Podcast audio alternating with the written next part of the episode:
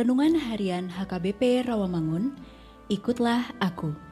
Sabtu, 17 April 2021 dengan judul Doa Orang Kristen.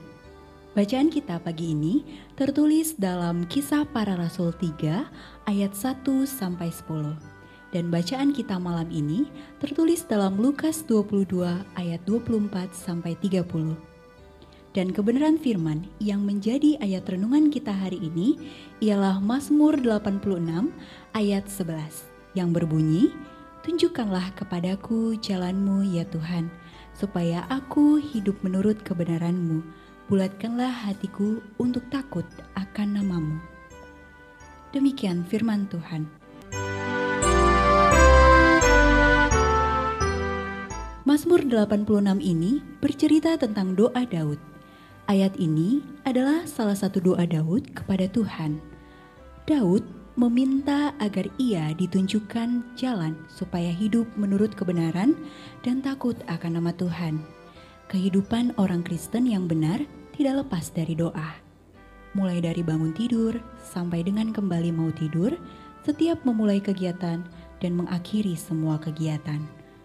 Tetapi Tak jarang isi doa kita selalu meminta kebutuhan kita sehari-hari.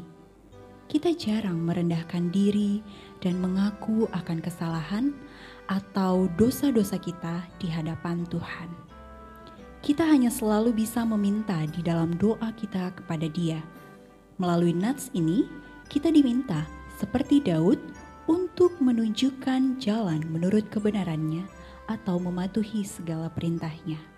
Dan takut akan nama Dia, seperti yang tertulis di dalam hukum Taurat Tuhan yang ketiga, supaya kita tidak menyebut namanya dengan sembarangan, karena Dia akan menghukum orang yang menyia-nyiakan namanya.